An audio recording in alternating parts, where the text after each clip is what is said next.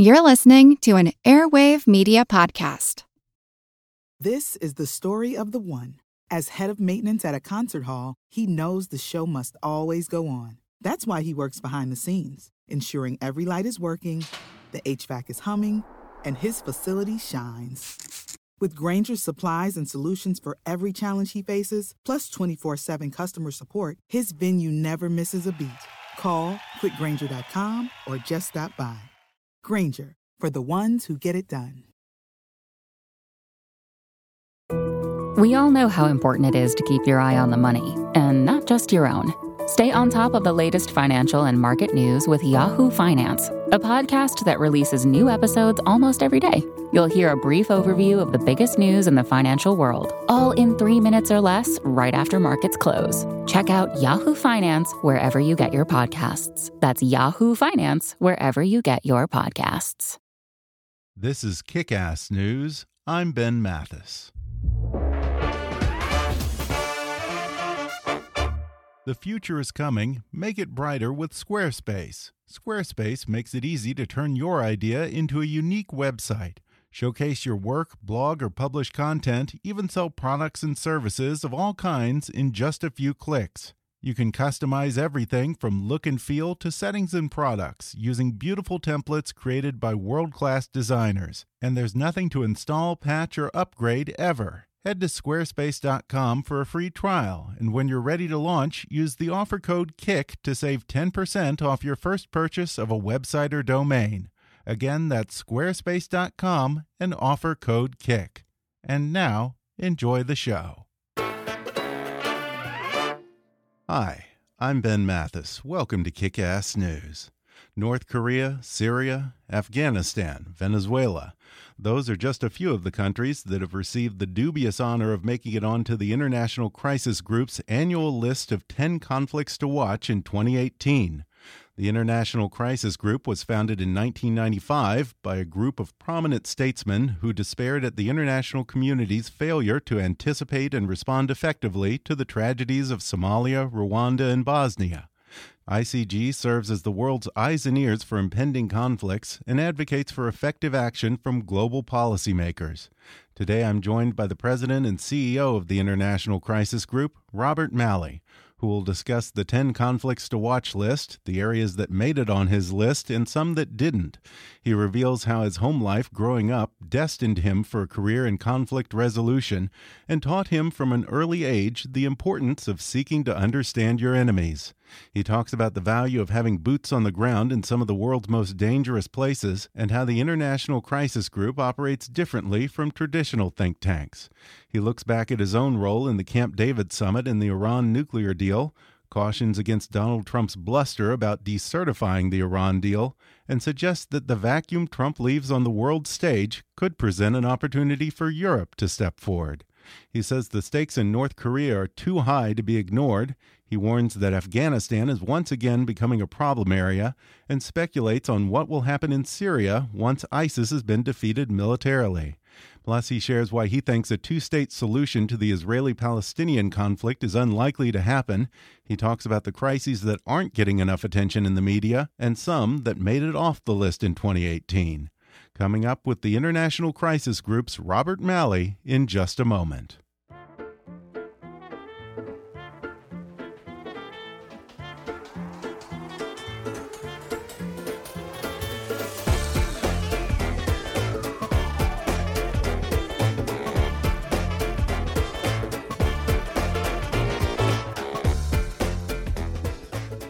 Robert Malley is president and CEO of the International Crisis Group. Prior to that, he served in the Obama administration as special assistant to the president, senior advisor to the president for the counter ISIL campaign, and White House coordinator for the Middle East, North Africa, and the Gulf region. He also served as special assistant to President Clinton for Arab Israeli affairs and director for the Near East and South Asian affairs at the National Security Council.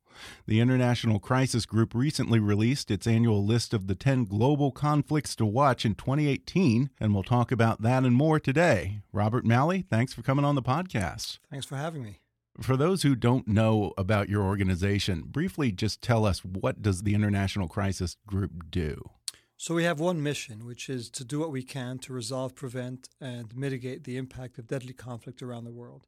And the way we do that, unlike some other organization, is that we have people in the field. So we have people living in uh, who go either they live in or they travel to Yemen or to Afghanistan or to Venezuela or to Ukraine, wherever deadly conflict either rages or we fear is about to rage. And so we have those people embedded in those countries who get to really understand the country, speak to everyone, all sides rebels, insurgents, government officials, uh, ordinary citizens. And then we write up what we find and we recommend and, and, and advocate on behalf of policies that we believe could prevent, mitigate, or resolve deadly conflict. And our audience is ordinary citizens, involved citizens, but also governments around the world, international institutions. And so we are an activist organization that tries to get people to do something about uh, the suffering of, of, of, civilians. Uh, yeah, you definitely seem to be more proactive than probably what people usually think of as a think tank. Because uh, we, we, we, try. You have to you have to give us a penny every time you call us a think tank. Well, I was just going to say, do you chafe at that term? We think do. tank. Yeah. We do. Even though I've worked at think tanks, I have a lot of respect for them. But we are different because we have an institutional voice. I mean, mm -hmm. most think tanks it's a collection of very smart individuals who write and give their own opinion about certain issues. Two things distinguish us from traditional think tanks or from think tanks one, again, we have people in the field, so they don't live in Washington yeah. or elsewhere. They live in the countries among the people who are who are fighting or who are suffering from the fighting. And we have a position, and we advocate on behalf of uh, the position that we believe in. What does that do for you? Having actual boots on the ground. A, it makes a huge difference. I've you know I've I've spent all all together almost ten years in government, and when you're in government, there's a lot you see that you don't see when you're on the outside, mm-hmm. undoubtedly, and I think people know that very well. You also lose a lot. So it's both enriching and impoverishing because when you're in government, you don't have time to walk around on the streets of Caracas or the streets of, uh, of, the, of Kabul and talk to ordinary citizens. You also can't talk to people who are members of proscribed terrorist groups. So mm-hmm. you can't talk to a member of Hamas or of Hezbollah or the Taliban. Members of crisis group, and I was there before joining the, uh, the, the Obama administration – we, that's what we do. So we live there. We talk to people so that we could get the perspective of all sides. And you know, it's a, it's a commonplace to say you, you don't make peace with your friends, you make peace with your enemies. You also don't make peace if you don't understand your enemy. And that means we have to talk to everyone. And then when we meet with officials, whether they're American or Chinese or Russian or uh, Syrian or whoever we meet with, we tell them, here's what we're hearing from the other side. You may not like it, you may not agree with it, just telling you this is what they're saying, this is what we think they're thinking. In, in a certain sense, you're an intelligence gathering organization. You're well, coming to. You're, let's avoid you, that term, or we're going to be expelled right. from countries. but but you have the freedom to talk to all exactly. sides that someone who's working in government may not. So at the very least, if they can't have these conversations, you can and then you can at least give them some kind of advice on where to that's, go from there. That's exactly right. That's very interesting. Uh, you know, coming back to the crisis group, you just came back, I think, in the past couple of months, and having spent so much time in government. How has that experience shaped how you want the crisis group to work going forward? Now that I'm back at crisis group, one of the lessons that I took from government is you have, there's a certain way you speak to uh, decision makers. You can't speak down to them and act as mm -hmm. if mm-hmm. they don't know what they're talking about you can't give them 50 pages and expect they're going to read it. So we have to be more timely, more precise, more concise, and understand that if people are, are it, whether it's a U.S. official or a Russian official, if they are uh, pursuing a policy that we disagree with, mm-hmm. it's not necessarily because they're stupid or they're blind or they don't know what they're talking about. It's because they have a different conception. Maybe there's aspects of the conflict they haven't thought about, and we need to be respectful of their view, but very sharp in when we disagree with them and try to come up with ideas that they could implement. So I what I'm trying to bring to the to crisis group now is a sense of the realism and pragmatism that we need to have in our own findings, our own recommendations, so that a government official will take us seriously. The way I like to put it is our recommendations have to be out of the box, but not off the wall. They have to be something that people could read and yeah. say, oh, this challenges my conventional wisdom, but it's not so you know, outlandish that I'm just going to put it in a closet and never read it again. Yeah, it must, I imagine, for you, feel somewhat liberating to be out of the group think of government and be in a position where you're at least able again to consider all options and all opinions on the table now. I mean, that's so true. You know, when you're in government, there, there always are differences of views. I mean, I came from an right. administration where, to take an example, Syria, there was a very, there was a large divergence. But even that divergence is within boundaries because there's some ideas that after a while, having been in government, you talk to the same people all the time. Mhm. Some things simply become unthinkable. Now, you speak to people from the outside, as you just said, and that changes the, the, the, the parameters of your of your own thinking. So being outside of government now, it is liberating.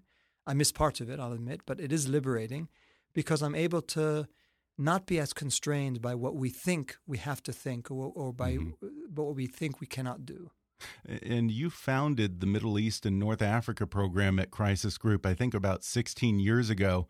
You've since worked in other organizations and been back in government. Uh, has your perspective on that specific region changed significantly in those years? Well, the region has changed significantly. Right. So I, I, I guess by definition, my perspective has. I mean, let's not forget, back in the early 2000s when I started uh, the program, the biggest complaint about the region was that it was too static. It was sclerotic. Nothing Mhm. was ever going to change. The leaders were there forever. Gaddafi in Libya was there forever. Saddam Mhm. Hussein in Iraq was there forever.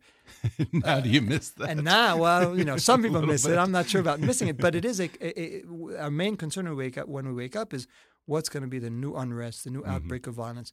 Let's just look at what happened in Syria in the la- in the space of about a week. yeah. You've had fighting between Turkey and Kurds that involves allies of the United States, between uh, Russia and the U.S., between Iran and Israel, between Hezbollah and Israel. I mean, this is really a region that is in in in, in, in chaos, and that presents a whole new set of challenges. We're no longer thinking how are we going to shake things up, but how are we going to provide some sense of normalcy and and Mhm. and uh, stability for people who've suffered now at least since 2011 uh, one new development after another, and it's shaken up their lives. Mhm. Uh, I noticed that fairly recently you opened an office in D.C. or started doing advocacy. We've started a U.S. program. So Right. we've always had an Okay. Asia program, a Middle East program, Africa, in which we look at conflicts that affect those areas. We decided, and I think the decision was partly, I know it was partly triggered by the Trump administration uh, Mhm. and its foreign policies. But to be honest, we probably should have started this a long time ago. Mhm. We're not looking at conflict within the United States, and hopefully we, we won't have to. But Yeah. If it comes to that point, we will. But we, since we look at deadly conflict at a certain scale, that's not what we're looking at now. But we're trying to understand how U.S. foreign policy is made, what are the factors that come into it, what are the constituencies that make it what it is, uh, how, the, how that could change, what are the kind of constituencies that maybe we can mobilize to change U.S. foreign policy, Mhm. and mainly how U.S. foreign policy is affecting conflict-ridden uh, areas uh, overseas. So, how is U.S. policy affecting the conflict in Syria or in Afghanistan or in Iraq or in uh, or, or in, in Colombia or elsewhere? And that's what we want to get is a is a firmer grasp of how policy is made, uh, what impact it has, and how we could change it. And I think today, as I said, it's more urgent given Mhm. the changes that have that uh, have t- taken place with uh, Donald Trump's election. But it was true certainly at the time of the Iraq War. I think we probably then should have done much more in trying to decipher Yeah. why these decisions were made and how they could be unmade. the Trump administration is at odds, I think, with a lot of the policies that you guys advocate for at Crisis Group. How has that worked out for you so far? I mean, uh, when you're reaching out to politicians and government officials in D.C. and specifically within the administration, have they been receptive? So first of all, we, we, we try our best to be nonpartisan. It doesn't Right, mean that we're not course. critical, right? I mean, we during the Obama administration, I was in the administration, but Crisis Group still existed and criticized Obama policies, including those that I was in charge of. So we really try to be as as objective and nonpartisan as possible. Right now, you're right. We have a number of areas of differences with this administration, from its uh, uh, the fact that it's withdrawn from some multilateral obligations and treaties, from trade to climate change to uh, to the Iran nuclear deal, possibly. Uh, it's it's focused on a militarized foreign policy, quite at odds with what Donald Trump himself, as a candidate, was campaigning uh, Right. for. Devaluation of certain historic values, human rights, uh, et cetera. So there's a lot that we disagree with, and we're afraid that this administration is heading down the wrong path.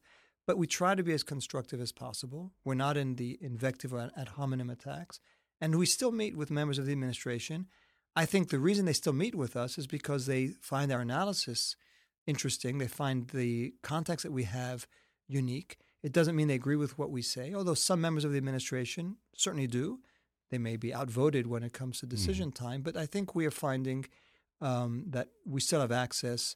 People they want to influence us, and I think they they're interested in our insights. That's not true of everyone, certainly, but of uh, enough people that I still think we have an important role to play. Uh, but even if you do want to have an influence on the administration, my question is who do you talk to?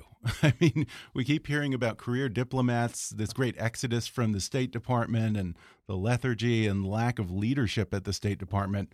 Who do you go to? So the last thing I want to do is give any credence to this notion of a deep state, which yeah, I'm sure right, you've right, spoken right, about on this program. but it is true that for most issues, like the, the, the big ticket items, like what we're going to do on Syria, what we're going to do Mhm. vis-a-vis Russia, that's decided at the most senior levels. Fair enough. And those people Right. may not always want to talk to us, although even they sometimes do.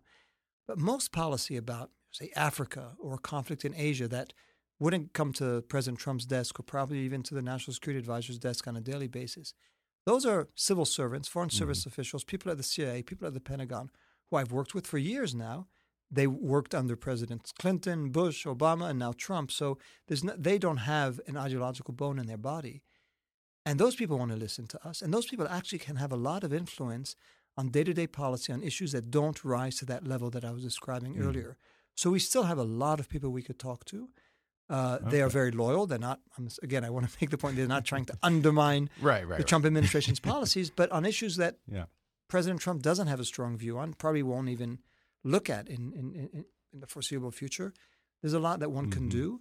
We give the best advice that we feel, think we can, and then it's up to them to, to use it. And on some cases, in fact, we've been in agreement with the Trump administration on. Take an example, uh, Sudan. There was a debate about whether to lift some of the sanctions Right. our experts felt, and they lived in Sudan for you know they have access to Sudan, and their their their their feeling was now's the right time not to lift everything, not to uh, give them carte blanche, but to show that engagement pays off, and that if they do certain things, there'll be a there'll be some some reward. There was a debate within the administration, mirroring the debate, you know, at large in uh, in, in in public opinion. In the end, we argued, as I say, for lifting some of those sanctions. That's what the administration did. So, and I know because I know it, but I, I've been told that members of the administration made use of what we of our arguments in their internal debates. Interesting. Okay, so so you know, I keep hearing about all this turnover within the State Department. There there are still faces you recognize there, Sure, and you can do sure. business with. Yes. Uh, okay. well, you know, with President Trump seemingly pulling away from the world stage and pursuing a more nationalist agenda, I've heard you say that it presents a real opportunity for Europe to step in and assume a greater leadership role. My question is with so many issues from Brexit to the refugee crisis to deal with, does there seem to be much of a desire for Europe to play a bigger external role? And if so, who takes the lead in that? So it's a great question. I mean, so let me start with where I started from, which is uh, I lived a long time, part of my life in Europe, Right. and I've heard from Europeans over and over again, particularly when I was in the administration, complaints about how the U.S. tries to monopolize uh, areas of foreign policy, shoves other people aside, wants Europe to pay but not play. So my rejoinder to Europe now is okay, that was your complaint. Now you have an opportunity with the U.S. not playing an active role in trying to resolve conflict, de-escalate conflicts, mm-hmm. reach out to some countries on areas that are, that are not simply counterterrorism. Do it. Now's your opportunity to do it. Now, the flip side, you're right that this unfortunately occurs at a time. So this period where the U.S. is playing less of a role as a forger of peace and a and, and conflict resolver coincides with the time where Europe itself is faced with all the problems you just mentioned.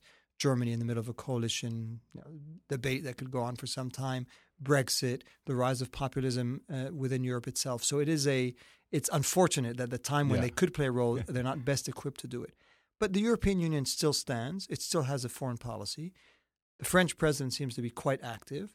The German coalition will at some point uh, find its way. So there are still things that they can do. They can salvage the Iran nuclear deal. That's let's start with that. Wouldn't be a minor accomplishment. So uh, you're right, but I think still think there's a lot for Europe to do, and this is a moment for them to prove that they mean it when they say they want to play a bigger role. And you alluded to your own personal history with Europe. You come from a very interesting background that almost seems to have predestined you for the path that you've chosen and to be perfectly positioned to be president of the crisis group. Uh, talk a little about your parents and growing up. So uh, the way I like to put it, I, I, was- I was born uh, uh, from a contradiction in some ways. I mean, so my, my father was uh, he's passed away, but he was a Egyptian Jew Arab nationalist, and that's a mouthful, but that's what he was. I think that's what a lot of people would call a self-loathing Jew, probably. But he wasn't. No, he wasn't self-loathing Jew. But he was. But he was. But he was an Arab nationalist Yeah. who then emigrated to the United States and became a very outspoken critic of American foreign policy. Then he moved to France, and he was such a critic of French foreign policy that they expelled him from France. so he basically always was a contrarian, living his own contradictions. and I didn't inherit all his views, but I inherited this desire to put myself in different people's shoes. Which, of course, you know, as I, as I say, as an Egyptian Jew, Arab nationalist, living in America, anti-American, living in France, anti-French, I, I got that sort of that that that seventh or that sixth sense of trying to figure out, okay, how does it look like if I were an Israeli mm-hmm. or a Palestinian or an Iranian or mm. whoever that is? And I found it's useful when you negotiate. I mean, I, in the Clinton administration, I was involved in Israeli-Palestinian negotiations. Then, under the Obama administration, I was uh, uh, I helped with the Iran negotiations. And in each case, it doesn't mean that you take the side of your opponent. You know, God forbid, that's that's not what we do. But we understand where they. I try to understand where they're coming from, which, as you say, is what we do at Crisis Group. Try to understand where they're coming from, which helps me then try to both address their concerns if if it's perfectly compatible with our interests, mm-hmm. U.S. interests. When I was negotiating for the U.S., try to understand what matters to them, what doesn't matter to them, and how we can then forge a solution that meets all of our interests but also meets them halfway. And as someone who's been very experienced at uh, negotiating various policies like the Iran deal and Camp David summit, I have to think that your unique ability to kind of put yourself in the position of the other person perhaps in some sense uh, prevents you from falling into the trap of just seeing everything as a zero sum game, which yeah. seems to always happen. And one caveat is that unfortunately on the Israeli Palestinian Israeli Syrian we failed to reach an agreement. So right, sometimes right. even that experience is not enough. But you're right. I think that's yeah. exactly uh, you know not look at it zero sum game, not mm -hmm. not do sort of mirror imaging, which is to always assume that the way we look at the world is the way our opponent or our negotiating partner looks at the world. I mean, that's a danger that you see happen mm-hmm. all the time where people dismiss concerns that the other side raises because you think that you would dismiss them yourself. They may look at the world differently. They have their own history, their own culture, their own baggage. I mean, in the case of Iran, a long history of feeling, rightly or wrongly, that we've been uh, after them since uh, since the, the, the, coup against uh, right. Prime Minister Mossadegh. Uh, in the, so, in all these cases, trying to understand – why they feel as strong as they do. And again, doesn't mean that you surrender to their demands, but it means that you understand where they're coming from. And I think it helps. It should help in negotiations. As I say, I, I haven't been uh, uh, successful in, in, in, as many cases as I wish I had been. Well, let's talk about that then, since we brought up the 2000 Camp David summit. Um, you were part of the negotiating team under President Clinton in the years since, credit for the failure of those negotiations has usually been placed squarely on the shoulders of Yasser Arafat. Uh, do you think that post mortem is fair? So, about a year after the Camp David summit, which was, you know, it was pretty, it was traumatic for all of us because we really mm-hmm. thought there was a chance and, and it collapsed. And right after its collapse, everyone was pointing fingers at the Palestinians. I wrote an article with a colleague of mine, Hussein Agha, uh, in which we tried to really look exactly what had happened. And our conclusion, which was heretical at the time, was sure, Arafat had his share of responsibility and not a small one, but so too did the Israeli prime minister, and so too did the American team. Uh, and we could get into it, but all three made huge tactical, perhaps strategic mistakes, and all three are responsible for the failure. I have to say now, some 18 years later, uh, the unorthodoxy has become orthodoxy. I mean, if you read hmm. accounts today by people at Camp David, very few will say it's all Arafat's fault. They might put more of the blame on him than on others, but they almost all the memoirs that have been written since uh, uh, uh, are are not echoing our view. Everyone has a different view, but they do make the point that everyone was to blame. Israeli Prime Minister was this brilliant uh, strategist, Ehud Barak. Yeah. He made the classic mistake that I just mentioned of mirror imaging. He thought he knew how his opponents thought without knowing them. And uh, the way I analogized it to was he played chess with his opponent, but he really was playing with himself. Mm-hmm. And when his opponent didn't make the move that he expected him to make, he got upset. Mm-hmm. That somehow was a betrayal. So you know, if the pawn was not moved in the in the you know whatever whatever move it should have been, then he cried foul, yeah. not understanding that simply because they didn't follow his script didn't mean that they weren't following a rational one. And that was that's my main critique of, of, of the Israeli prime minister. He, he, wanted to control everything, and he felt that he knew mm-hmm. what was the Palestinians' interests better than they did. We're going to take a quick break, and then I'll be back with more with Robert Malley when we come back in just a minute.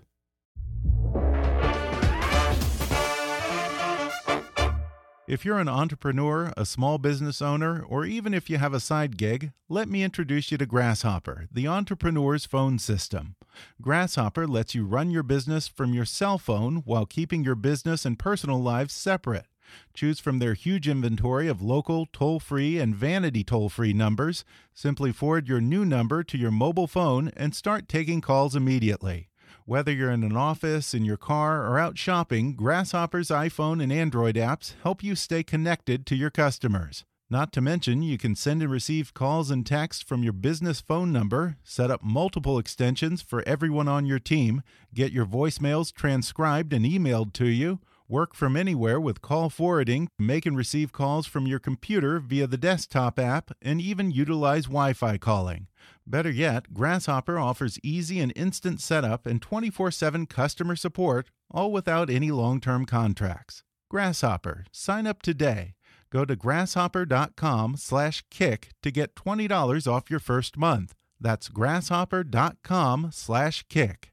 Support for today's show comes from Squarespace. Ready to start your new business? Make it stand out with Squarespace. Maybe you're revving up to launch a new company or spending the weekends working on a passion project. Well, these days, web presence is everything, and having a stylish, professional website is essential. Folks, I see it all the time. People put their hours and dollars into a new business and they treat the website as an afterthought. That should be the first thing you do. With beautiful templates created by world class designers, Squarespace makes it easy to turn your idea into a new and unique website. Showcase your work, blog or publish content, even sell products and services of all kinds in just a few clicks. You can customize everything from look and feel to settings and products, and it's all optimized for mobile right out of the box. Use Squarespace's analytics to help you grow in real time. There's nothing to install, patch, or upgrade ever. Though if you do have a question, Squarespace's award-winning 24/7 customer support is there to help.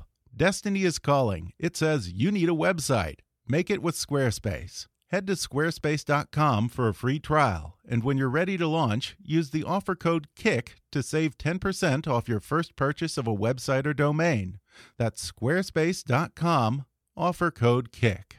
Looking to move to the cloud? Don't know where to begin? Check out the Google Cloud Platform weekly podcast, where Google developer advocates Melanie Warrick and Mark Mandel answer questions, get in the weeds, and talk to GCP teams, customers, and partners about best practices. From security to machine learning and more. Hear from technologists all across Google about trends and cool things happening with our technology. Click to learn more and subscribe to the podcast at g.co slash podcast. Again, that's g.co slash GCP podcast.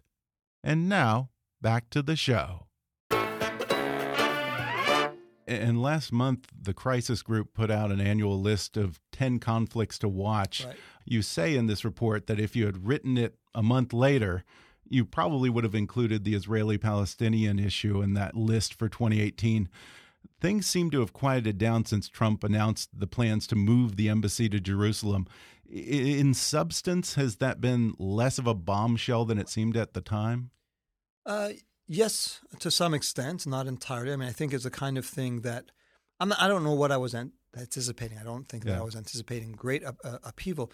It just is one more in a, a long process that is going to contribute to the disillusionment, disenchantment of the Palestinian people. Mm-hmm. They're giving up on the two state solution. They're giving up on nonviolence. They're giving up on, on the United States. And all that is harmful. Now, it's not too late. And the Trump administration is making renewed noises now that it wants to put a plan on the table. And that plan is going to be surprisingly fair.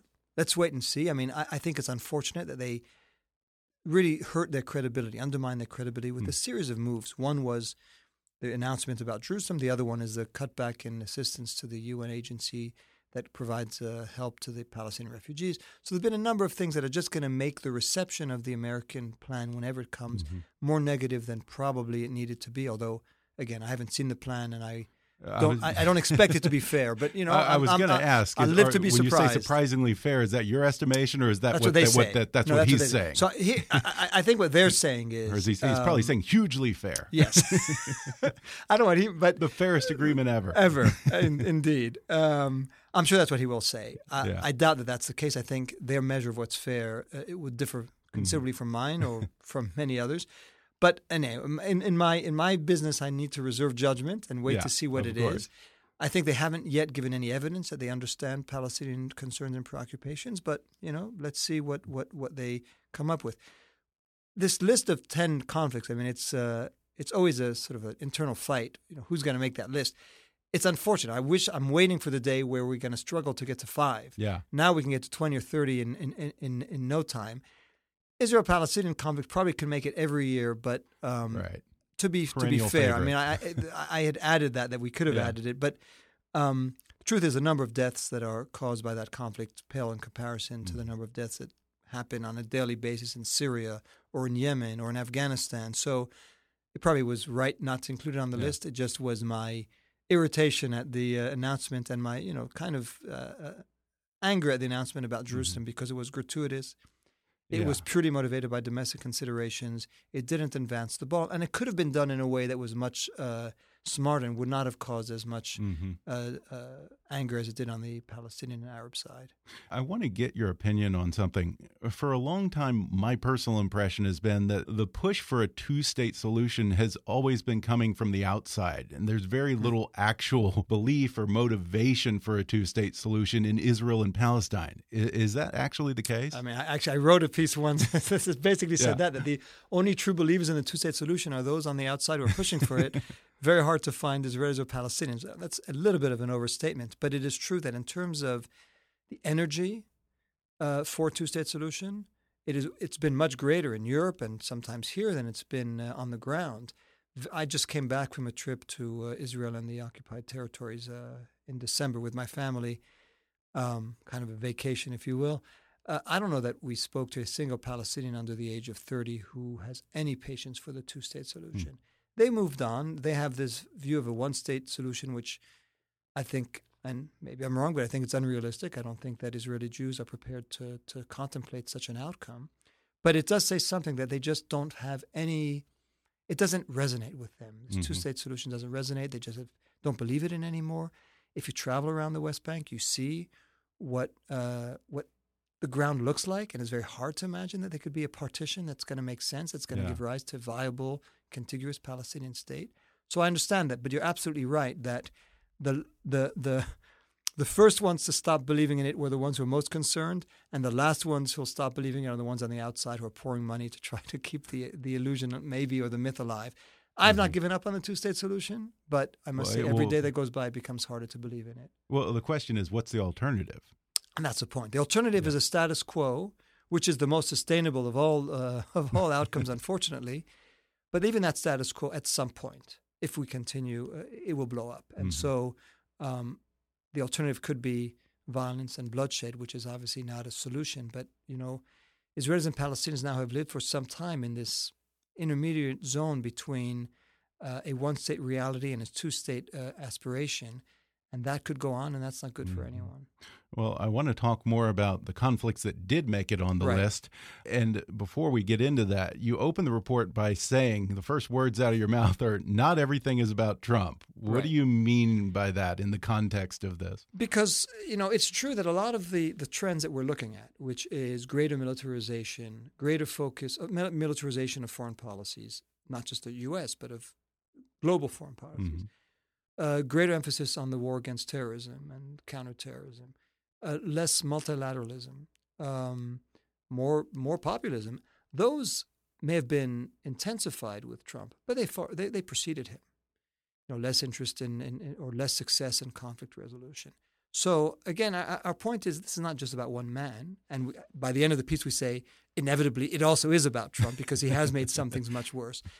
But he is as much an expression as he is the uh, the instigator of some of these uh, some of these trends. And I think that's what we're trying to say that what you're, mm-hmm. what we're seeing around the world, which is you know great you know greater resort to to to, to conflict and to, to war means of war and means of war that had been prescribed, whether it's mm-hmm. use of chemical weapons or the basic the ethnic cleansing that took place in Myanmar. Those are things. So it's not just more resort to war and an erosion of the of the of norms against warfare, mm-hmm. but the erosions of the norms about how you conduct warfare. And those again, I would not attribute to President Trump, although again, uh, he is unfortunately uh, aggravating those trends. So that's our point. let's not simply think it's one man and once he's gone, everything will be fine.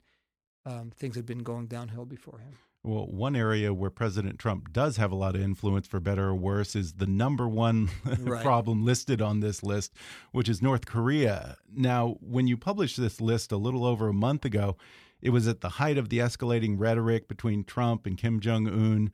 Trump was saying that there was no diplomatic solution, but now the tension seems to have de escalated some. North and South Korea are at least opened a dialogue. How optimistic are you at this point? If you publish the list today, would it still make number one? Absolutely. Yeah. I mean, the reason we put it number one even then was not because we thought it had the highest uh, risk of occurring. Mm -hmm. It was that if it were to occur, it would be by far the greatest disaster, I mean, yeah. the greatest calamity since the Second World War. So this was a combination of probably low probability, very high risk. Uh, that probability goes up and down every day. I mean, you know, if you speak to members of the administration, which I do on this issue, they are certainly projecting a feeling that they're not prepared to compromise, that North Korea is going to have to take steps towards denuclearization, or there's going to be only one uh, one way left, and the implication is that it's a mm-hmm. military way. Now, I always, when I hear that, I always think to myself, part of it is that if this is a bluff, they have to bluff to everyone, myself included. I mean, if they start showing cracks and to some people, they say, well, we're not really serious about it, but we're saying it in order to convince the North Koreans. They know this is going to uh, ultimately tra- uh, trickle down to, to the North Koreans, to the Chinese, and to others who they want to convince that they're serious about taking military action. So part of it could be a bluff game. I mean, is that a wise strategy? I'll, I'll tell you, a month ago I had George Shultz on. He said Reagan would tell everyone in his administration, never bluff. Never bluff unless you're willing to follow yeah. through, because if you get called on your bluff, you have no options left. That's right. You're backed into a corner. Uh, no, that, that's right. That is a danger. Particularly, I mean, the other danger is it's not clear that the other side knows if you're bluffing, if you're not bluffing. Right. And sometimes, in the case of Kim Jong Un, a opponent or who we don't know that well. I mean, no foreign leader yeah. met him. He may Dennis be reading. Rodman doesn't count. leader, maybe in basketball leader. Uh, so, uh, but but you know, how is he going to read if he's convinced yeah. that President Trump does want to strike, and then he sees a military maneuver and he says, "Aha, this is the first step towards a strike. I need to do something preemptively in order to save myself." Mm-hmm. So you're playing with fire, and yeah. where in this case the fire would be so devastating that uh, again, our recommendation is take a pause, pause the situation now, try to freeze it as much as you can without doing anything that would be detrimental to U.S. interests and start talking. And number two on the list is the U.S. Saudi Iran rivalry. President Trump certainly seems to be aligning himself more closely with the Saudis at a time of unusual instability in that country. What concerns you most about that? So it's not so much instability in Saudi Arabia, it's more the region as a whole has mm -hmm. now uh, sort of in the vortex of three conflicts. Uh, one is between Iran and Saudi Arabia, mm-hmm. and we see that manifested in Yemen. We see it manifested uh, in, in, in the Gulf. We see it manifested to some extent in Syria. We see it manifested in Lebanon. Another one is the Iran-Israel confrontation, which we just saw a manifestation of in over the skies of Syria, mm-hmm. but it can ex- be expressed uh, in Lebanon and elsewhere as well. And the third is the Iran-U.S. confrontation, with which itself is manifested in Iraq, in Syria, in the battle over the nuclear deal. And so the problem with all, in all three of these is that what, what could be sparked in one place could quickly light a fire uh, elsewhere. So what happens in Yemen could quickly uh, spill over into Iran, into Iraq, into Syria, into Lebanon, into Israel. So this is really the wow. kind of wildfire that we are afraid of. And you combine that with the fact that those of those three pairings that I mentioned, Israel, Iran, Saudi Arabia, Iran, U.S., Iran, in no case is there any high level discussion. In some mm. cases, there's no diplomacy at all. There's no high level contact between the US and Iran, something that really is a change from the Obama administration. There's no serious discussion between Saudi Arabia and Iran, and there's no con- con- uh, contact whatsoever between Israel and Iran. So when you combine a high risk of escalation, zero diplomacy, that's why we put it number two on the list. And you played a major role in negotiating the Iran nuclear deal. I confess that at the time I was somewhat skeptical initially, but should have called me. By all accounts, including many in the Trump administration, it seems to be working, keeping Iran's nuclear ambitions in check. Despite that, Trump still talks a tough talk about decertifying the deal or making additional demands on Iran. Do you think that the pragmatist in him, to the extent that there is one, may keep him from making any kind of moves that might jeopardize the deal? It's, uh, I, I don't know. Yeah. Uh, I'm at a 50-50 uh, point at this at this stage. I think he's made clear. I mean, you know, if you try to decipher the or try to uh, understand the motivations for President Trump's uh, behavior, Yeah. we'd be at it for for many hours.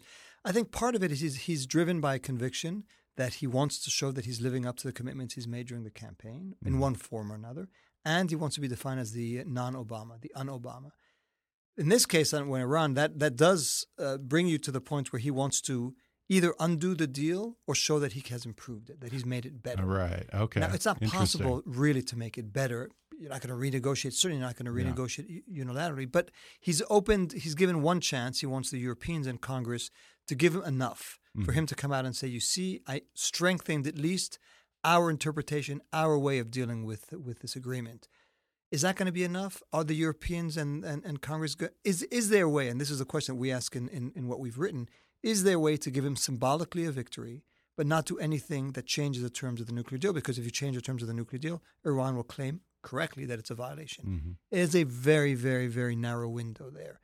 And that's why I say that I'm, I'm at the 50 50 range. Maybe you could find a way, but I would not at all be shocked if President Trump announced, and he said he could do it as early as May 12th. Uh, we tried, we failed. This is the worst agreement ever negotiated, is what he said. Even though, as you Yeah. just pointed out, his own State Department has itself said that Iran is respecting the deal over and over again. Right. And Um, Mattis as well. Everyone, I mean, Yeah. there's no nobody with a straight face can say that Iran is violating the deal. But I would not be shocked if he decided on May 12th, you know what? I said it's the worst deal ever negotiated. I live by my word. I said it on Jerusalem. I said it on NAFTA. I said it on TPP. I said it on the Paris uh, Climate Change Accord. And that would play well with, with his base, which, of course, is the overriding or overwhelming factor in his consideration. So that's why I'm worried. And what we've done at Crisis Group is number one, try to provide all the arguments as to why that would be a very bad outcome. But number two, talking to Europeans in particular, bringing back to that point, telling them there's a way, perhaps, and talking to the Iranians, there's a way to preserve the deal even if the U.S. walks away. And another one that probably not surprisingly made the list is Syria. You served as President Obama's ISIS czar. ISIS seems to have largely been defeated militarily. Um, what comes next? Do they just vanish into the sunset? Do they regroup or transform into something different? What's their next move? So I think the question raises two points. First, I mean, ISIS, and this is why it was such a complex phenomenon, it was sort of four movements in one. It was a quasi like state, caliphate, uh, it was an insurgency, it was a terrorist organization, and it was an inspirer of others who resorted to terrorism with very loose links to the mother organization. What we're seeing now is basically, and we had always expected that it would take about three years to, to get to that point, and we're about the three year mark um, is the defeat of the first dimension, the caliphate, the state-like structure. That's Okay. the one that was their weakest point because it's very hard to hold territory when you're confronted by you know air force and and troops on the ground by the United States or by Iraq or or, or or the coalition. What's remaining are the other three. Is their their insurgency, which they could always regroup as and start fighting back areas that are being retaken from them. Terrorism, which is very cheap for them to undertake, and the inspiration. And so the focus is going to have to turn to those three. But the other point is that the defeat of ISIS, is, and this is something that I remember raising in meetings with, uh, with, with, with the president and others, once people were less fearful of ISIS, they're quickly going to turn, and even before ISIS is defeated, to what they really care about, and that and that is political issues, uh, issues of power, issues of control among them. So it's you know it's it's Turkey and the Kurds, it's Shia Sunni battles in Iraq, it's the battle for Syria post ISIS, and what we're seeing now throughout the region is co- the surfacing of all these other conflicts that had been put more or less in brackets during the fight against ISIS, never fully ignored, but but sort of put uh, on the back burner. They're all coming back with a vengeance, and that's what we've seen recently, particularly in Syria, which has become the arena in which everyone wants to fight uh, his or her favorite fight. But let's suppose that ISIS is defeated to the extent that it can be, and the Assad regime is then able to focus all of its attention on its other rivals in the country. And eventually, the Assad regime is the only party left standing. Do you consider that a good outcome? No, it's not a good. I, I don't think we're going to get to the point, certainly in the foreseeable future, and certainly with uh, President Assad at the helm, uh, where Syria will be stabilized. I think it will be, you know, he is making gains, and at this point, the notion that he's going to be toppled or overthrown is uh, is probably uh, illusory, but the country is fragmented. Uh, it is, as I said, the arena now. I mean, it is quite an extraordinary. Uh, if you look at it, a country that tried to pride itself on as being the beating heart of Arab nationalism. You now have mm-hmm. Turkish troops, you have an Iranian presence, you have a U.S. presence, you have the Kurds that have a quasi autonomous area, you have, you have, Israel that on a weekly basis or monthly basis uh, engages in, in, air raids. So it's lost its sovereignty, it's lost its uh, its central unity. So that is gone. He, has he won the war that he cared about? So far, yes. He's won the war against the opposition that was trying to topple him. And again, we could spend hours about uh, why that happened and what mistakes were made by everyone to, to get to the point where so many Syrians died uh, and President Assad is still in power. A lot of the problem areas that we're talking about are the ones that are on people's radar. Among the other of the 10 conflicts on this list, which are the ones that maybe aren't getting enough attention in the media, perhaps overlooked? Well, the first one that comes to mind uh, is Yemen. Mm -hmm. um, I mean, this is not to stick only to the Middle East region, but it is one where you've seen uh, uh, you know, 8 million people on the brink of famine, uh, a million cases or so of cholera, 3 million people displaced. This was the poorest country before the war. Imagine what it's like now. And the reason why I say it is, and living here in the United States, is we have a lot of leverage. And this is a criticism that's not only directed at the Trump administration, the Obama administration didn't succeed either. But we are a very, very close partner of Saudi Arabia, which is a leader of the coalition that is fighting uh, in Yemen. So we have leverage to try to broker a political settlement, and we need to do much more to get there, to respect the humanitarian rights, which are being violated both by the Saudi led coalition and, of course, by the Houthi rebels. So something needs to be done there, and that's why we, put it high up, uh, high up on the list. Um, because I'm speaking here in uh, in the U.S., I might have chosen a different one if I was speaking elsewhere. Hmm. Afghanistan. I mean, it's sort of receded from my memory. It's the longest war in in America's history. We're now at a new stage where we're saying victory is upon us because we're going to increase the military uh, our military muscle. And I have to say that's just you know I don't know how it, why we could how we could buy that used car again. Don't we have to conclude at some point that even when we had hundred thousand troops and the Taliban were weaker, we didn't prevail. So now we have a tenth of that roughly. Uh, the Taliban are stronger; they control you know vast areas of the country. Um, isn't it time to say, okay, we don't mean we're going to withdraw precipitously, but let's put more effort on the diplomatic track. Mm-hmm. Let's talk to the Taliban. I mean, that's that. It just seems like uh, we could be at this at this another ten years, and no president likes to say, "Oh, well, maybe the military road is not going to lead to victory, so let's uh, let's pivot," because it's an admission of defeat, and the U.S. doesn't like doing that. Well. But for for for those of you who who haven't yet seen the documentary that Ken Burns did on Vietnam, which I suspect yeah. you have yeah, watched. it was fantastic. Um, I had him on the show. He was okay. Great. Well, you know, I just watched it uh, not long ago, and every case is sui generis.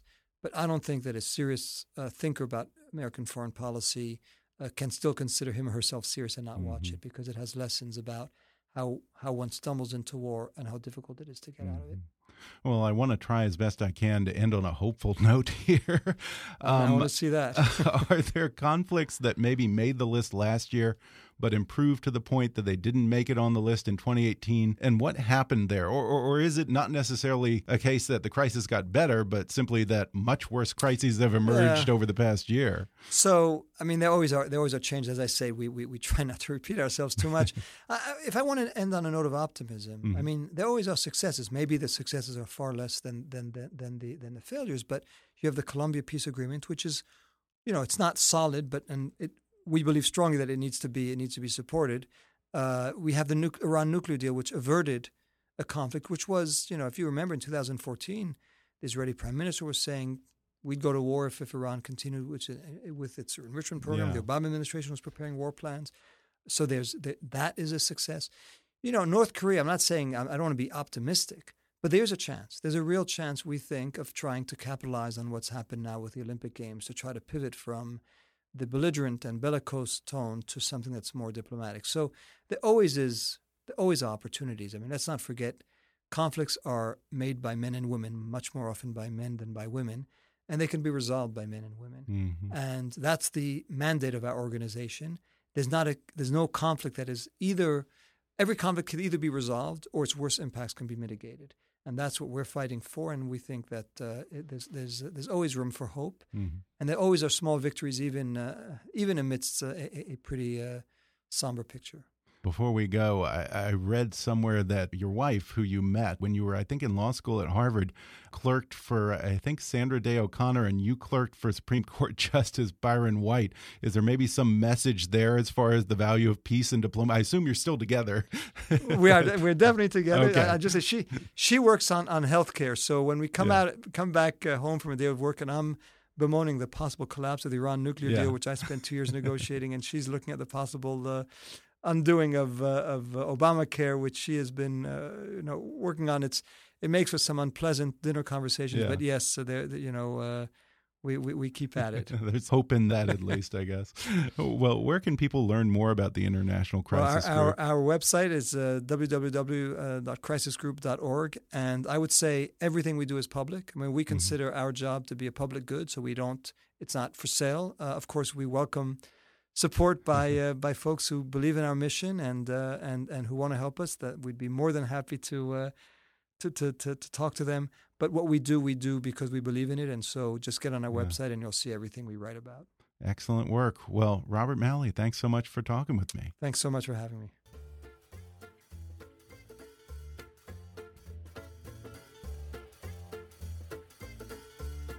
Thanks again to Robert Malley for coming on the podcast. To learn more about the International Crisis Group, visit crisisgroup.org and follow Robert Malley and ICG on Twitter at, at Rob underscore Malley and at Crisis Group.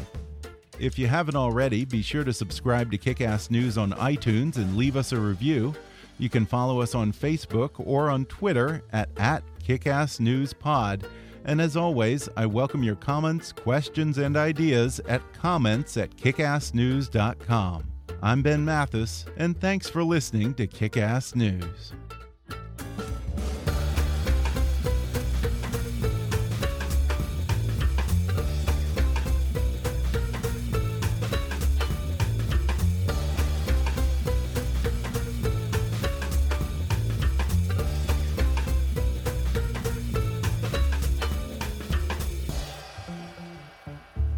Kickass News is a trademark of Mathis Entertainment, Inc.